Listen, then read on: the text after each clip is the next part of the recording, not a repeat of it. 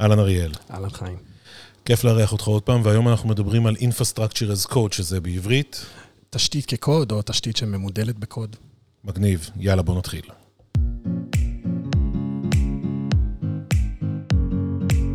TCP, הפודקאסט הרשמי של סיסקו ישראל. טכנולוגיה, חדשנות ומה שביניהם. אז היום אנחנו מדברים על אה, Infrastructure as Code, זאת אומרת, אנחנו כבר מכוונים לקהל טיפה יותר טכני, אנשים שחיים בעולם התשתיות ומפתחי תוכנה. התהליך הזה של מעבר מתשתיות אמיתיות אה, לקוד ולתוכנה, ולשם כך גייסנו את אה, אריאל לז'ה, שכבר אירחנו אותו פה אצלנו בערוץ, אה, שהוא... ארכיטקט מערכות בסיסקו ישראל, הוא בשנים האחרונות מתמחה בדיוק בטרנספורמציה הזאת, שמעבירה את עולם התשתית ממוצרים פיזיים, ראוטרים, סוויצ'ים, שרתים, דאטאבייסים וכולי, לקוד, לפעמים אפילו פתוח, ואפליקציות. אז uh, מה קורה, אריאל? מה שלומך, חיים? נהדר. אז בואו בוא נתחיל עם מושגי היסוד. בתור התחלה, למי שלא חי את העולם הזה ביום-יום, מה זה Infrastructure as Code ולמה זה נכנס לתוך הז'רגון המקצועי שלנו כל כך לעומק? כן, אז חשוב להגיד ש-Infrastructure as Code זה אומנם לא מונח אה, חדש בהכרח, אבל אנחנו רואים המון innovation אה, ושינויים בפרדיגמות שמאפשרות לנו בסופו של דבר למדל את התשתיות כקוד. אז כמו שזה נשמע, Infrastructure as Code, תשתית כקוד זה בעצם תהליך ניהול והקצאת משאבי data center ו-cloud, באמצעות קבצי הגדרה שניתן לקרוא אותם בשפת מכונה, ולא באמצעות תצורה של חומרה פיזית או ארכיטקטורה ספציפית, או בשפה של ההגדרות של אותם מוצרים ספציפיים, או הכלי ניהול של אותם מוצרים. זאת אומרת, אה, אה, הסברת יפה, אבל אנחנו יכולים להגיד שבתור התחלה, המושג הזה של Infrastructure as Code נכנס לעולם שלנו כנראה או בעיקר בגלל שהפסקנו להתייחס אל התשתית בתור משהו פיזי. זאת אומרת, כבר מעולמות ה-virtualization אל תוך עולמות ה-cloud consumption. כן, האמת, למעשה, כל המגמה של Cloud Services באמת הניעה את הצורך אה, למדל תשתיות כקוד, כי ככה למעשה אנחנו עובדים בעולם של ה-Cloud, ככה השירותים האלו חשופים, ככה ה-customers שלנו בענן ממדלים את כל השירותים, וכחלק מתהליך מידול של אפליקציה, לרוב גם צריך לגעת בתשתית בצורה כזאת או אחרת. אז את מי זה יותר מעניין? זה מעניין יותר את אנשי הפיתוח, זה מעניין יותר את אנשי התשתית, זה מעניין יותר את אנשי ה-cyber security. מי, מי הוא ה-owner של ה-Infrastructure as Code? כן, אז זאת שאלה מצוינת. למעשה, Infrastructure as Code אה, ממדל בתוכו אה, ציוד פיזי, כמו שרתי bare metal, גם שירותים וירטואליים, מכונות וירטואליות, ולמעשה כל שירות שאנחנו יכולים לצרוך בענן. אז למעשה זה מאפשר פעם אחת לדבלופרס למדל את התשתיות באותה צורה, באותה מתודולוגיה, עם אותם כלים ותפיסה שהם רגילים, ומצד שני זה מאפשר לנו, גם בתור אנשי תשתית, להתחיל לנהל את התשתיות שלנו בצורה יותר מודרנית ובצורה שהיא ביישור קו עם איך שהדבלופרס שלנו עובדים. אז בואו נפרק את זה לכמה חתיכות. זאת אומרת, אה, מי שלא מכיר את העולם הזה, מה זה אומר למדל אה, את התשתית שלנו כקוד? בואו נתחיל עם הצרכים הבסיסיים ביותר. קם בבוקר מפתח ואומר לעצמו, אני רוצה לכתוב אפליקציה.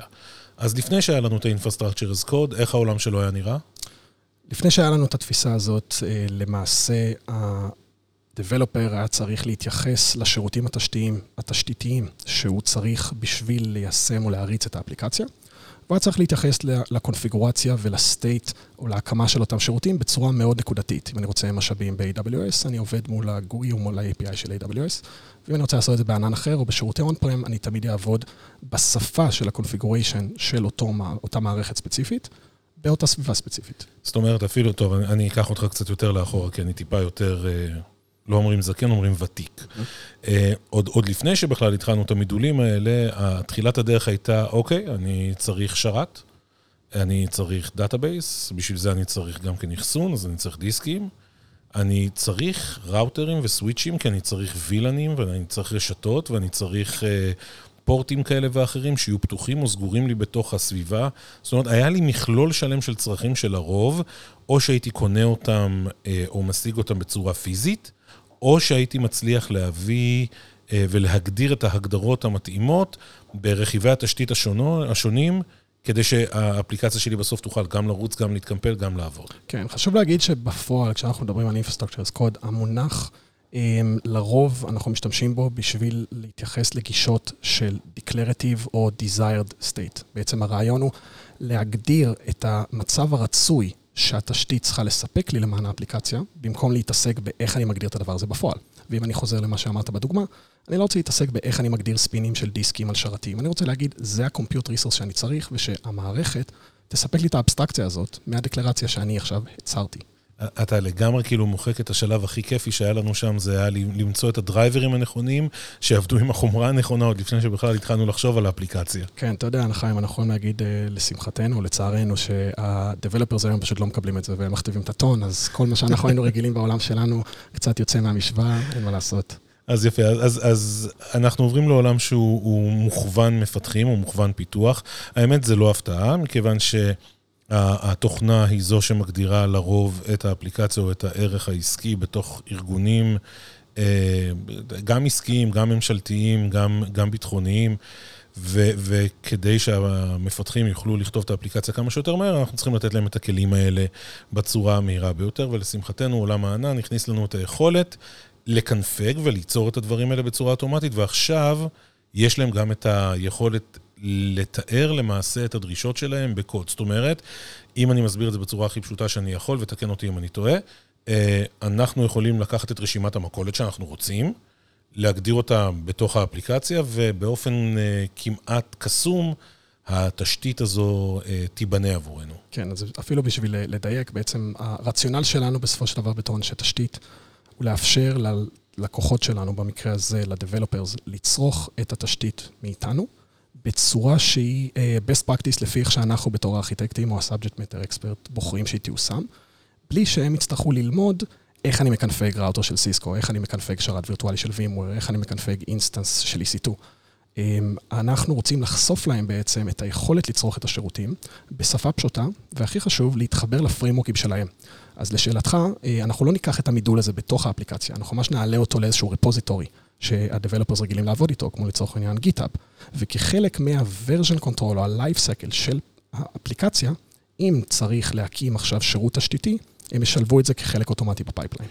אז איזה סוגים של אה, framework ים קיימים בעולמות ה-infrastructure as code שאנשים מכירים אותם? כן, אז uh, למעשה מושג ה-infrastructure as code הוא דומה קצת בקונטקסט, uh, בקונספט, סליחה, לסקריפטים בעולם התכנות שמשמשים אותנו לאוטומציה של תהליכי IT. אבל חשוב להגיד שההבדל המהותי ביותר בין סקריפטולוגיה לבין Infrastructure as Code, זה שסקריפטים משמשים אותנו בעיקר לאוטומציה של סדרה של צעדים סטטיים שחוזרים על עצמם פעמים רבות על פני שרתים מרובים. כשאנחנו מדברים על Infrastructure as Code, אנחנו מתייחסים אה, למידול של התשתית בשפה שהיא אה, גבוהה יותר, או בעצם בתיאור שאנחנו קוראים לו דקלרטיבי, כמו לדוגמה Kubernetes. Kubernetes זו מערכת שהיא דקלרטיבית במהות שלה. אנחנו מגדירים מה אנחנו צריכים שהמערכת תעשה ו-Kubernetes בתור orchestrator דואג כבר לטייב את המשאבים ולדאוג שה-desired state כל הזמן אה, ייושם בפועל. אז אני אפתח כאן סוגריים ואני אגיד, אתה הזכרת את המילה אה, סקריפטים, ואנחנו דיברנו על כל הנושא של אוטומציה בפרק נפרד, אם אתם תיכנסו ל... ל לעמוד ו- ותעברו בין הפרקים, יש פרק עם אורן בריג, שפירק לנו יפה מאוד את עולם האוטומציה ואיך אוטומציה וסקריפטים עובדים בעולם התשתיות. אנחנו לוקחים את זה צעד אחד קדימה. Infrastructure as Code זה כבר דקלרציה של צרכים ו- ויישום בתוך הסביבות אה, אה, ענן המובנות. נכון. למעשה, אנחנו, אם אנחנו ניקח אה, כדוגמה כלי כמו Ansible, כלי שהמון לקוחות אה, משתמשים בו ומכירים אותו, כלי שהוכיח את עצמו כבר במשך אה, שנים, אם אנחנו ניקח מודול של Ansible בשביל לפרוס לדוגמה שרת MySQL, שרת database, הפלייבוק של אנסיבל יוכל להתקין את שרת ה-MySQL, לאמת שה-database פועל כמצופה, פועל כראוי, על בסיס סטים מסוימים של בדיקות שהכניסו בתוך הפעולות האוטומטיות של האנסיבל פלייבוק. ליצור לנו חשבון של משתמש וסיסמה, להגדיר לנו database חדש, ואפילו למחוק מסדי נתונים לא נחוצים מה-database. אה, למעשה, כשאנחנו מדברים על Infrastructure as Code, אנחנו מתייחסים לשתי practice, אה, פרקטיסיות עיקריות.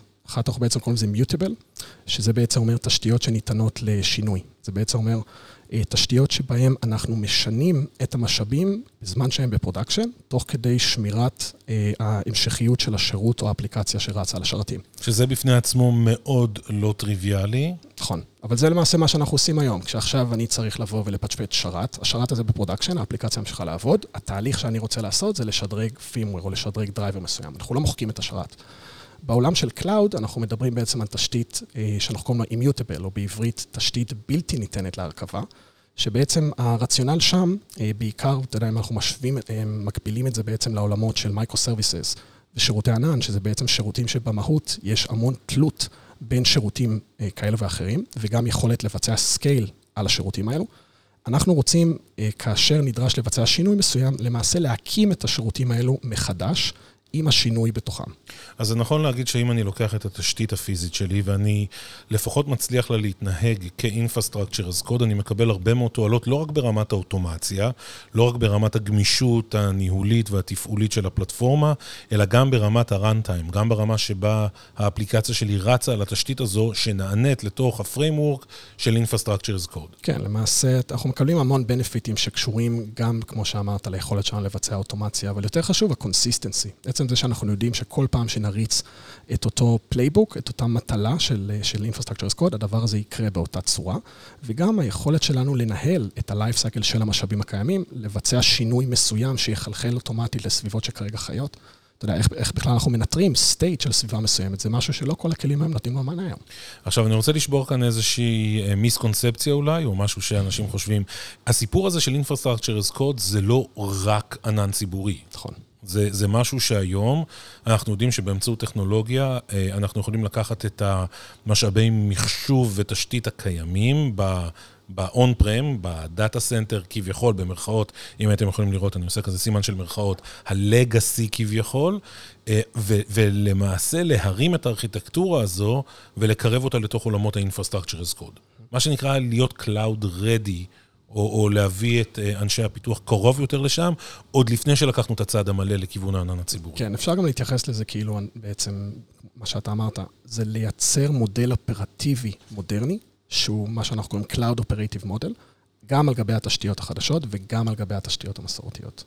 עכשיו, אני יודע שטרפורם כאילו שולטת כמעט באופן אבסולוטי בתחום הזה, אנחנו רואים את זה לפחות פה בישראל, כמעט כל לקוח או כל איש מקצוע שאני מדבר איתו אומר לי טרפורם, וזה נמצא בתוך תהליכי ה-CICD שלהם, בתוך המפעל הדיגיטלי שלהם. למה טרפורם? איך הגענו לנקודה הזו שטרפורם השתלטה כל כך על השוק, ו- ולמה היא כל כך חביבה לישראלים? כן, אז למעשה, אם אנחנו מסתכלים על כלים אה, אחרים שקיימים היום בשוק, כמו, כמו לדוגמה, אה, כמו שאמרתי, אנסיבל, פאפט, שף, או גם כלים שה-Cloud Providers נותנים לנו, אחד האתגרים של הכלים האלו זה שלרוב, אה, אם אנחנו מדברים על כלים כמו Cloud, Cloud Formation או ARM Templates של אג'ור, המטרה שלהם זה לחיות ולטפל בריסורסים של אותו ענן. אנחנו מחפשים עכשיו תפיסה שהיא יותר אגנוסטית.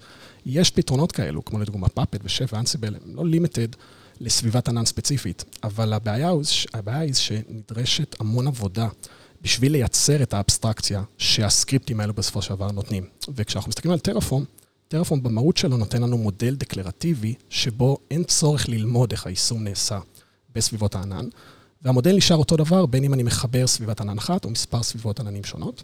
ובנוסף גם הפתרון מטפל ב-day one. זאת אומרת, אחרי שהקמתי את המשאבים, אוקיי, מה אני עושה אחר כך? בעצם מה שאנחנו קוראים ה-state של התשתית, שזה משהו שכלים כמו לדוגמה אנסיבל לא בהכרח מטפלים בהם.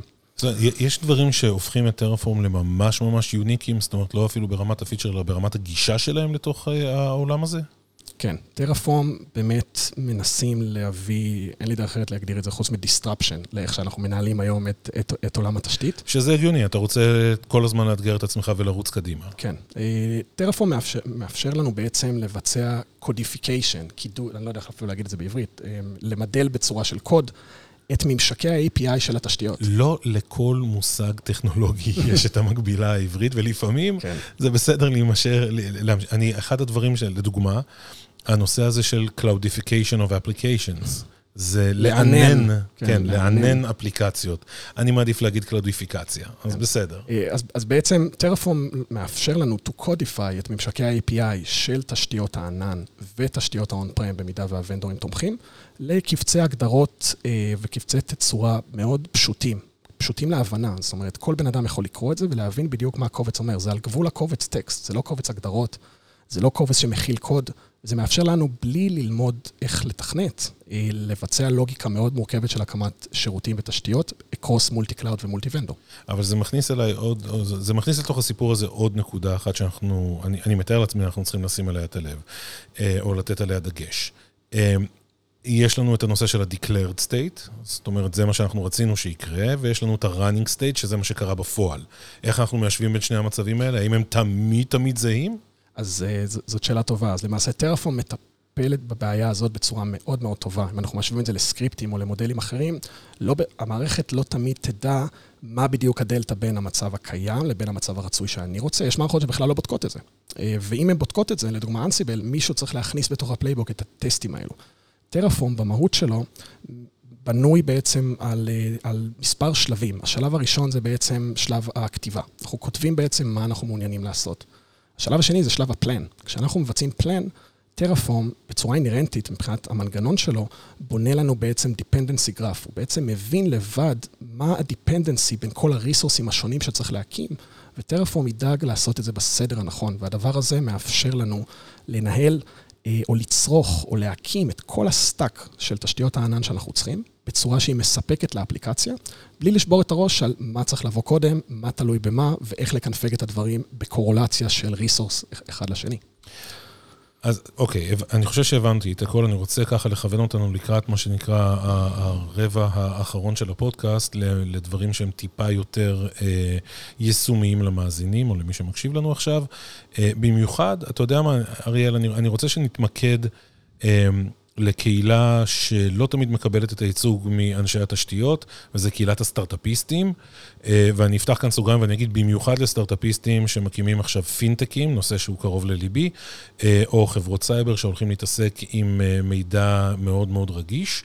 שדורשים גם חלק און פרמי, אבל ללא ספק נולדים לתוך עולמות ה-Cloud Natives.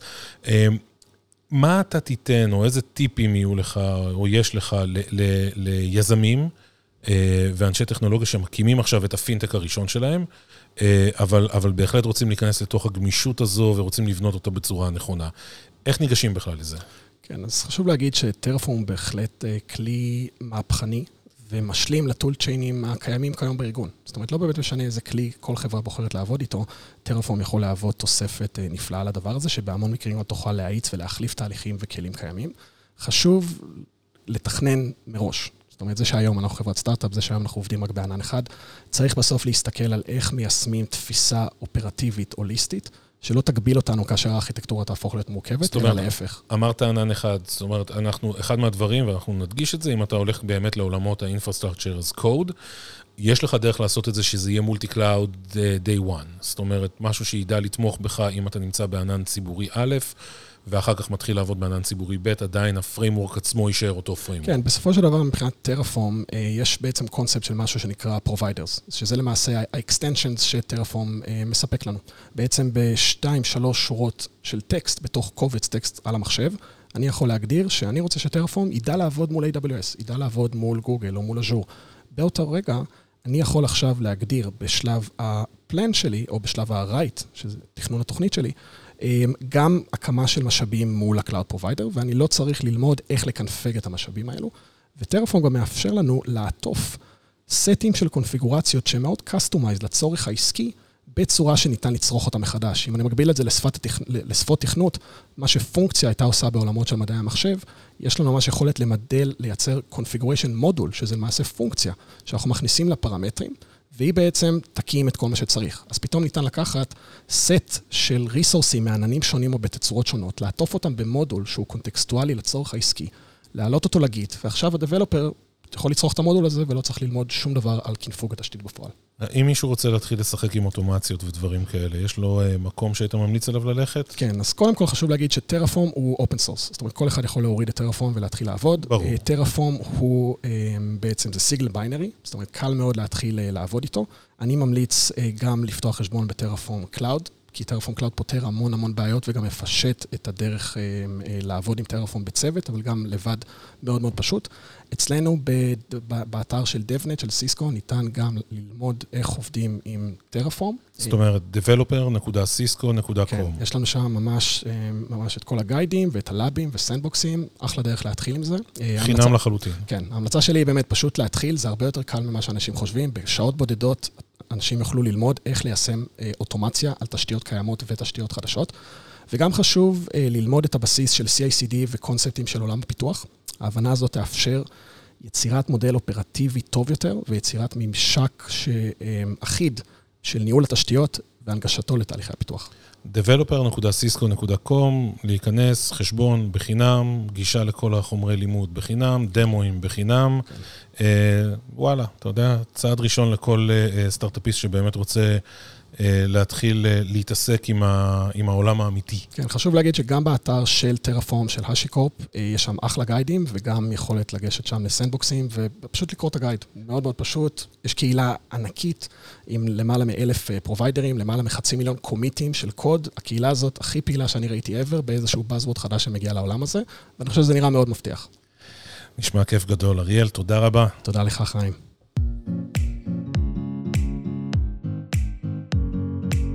TCP, הפודקאסט הרשמי של סיסקו ישראל. טכנולוגיה, חדשנות ומה שביניהם.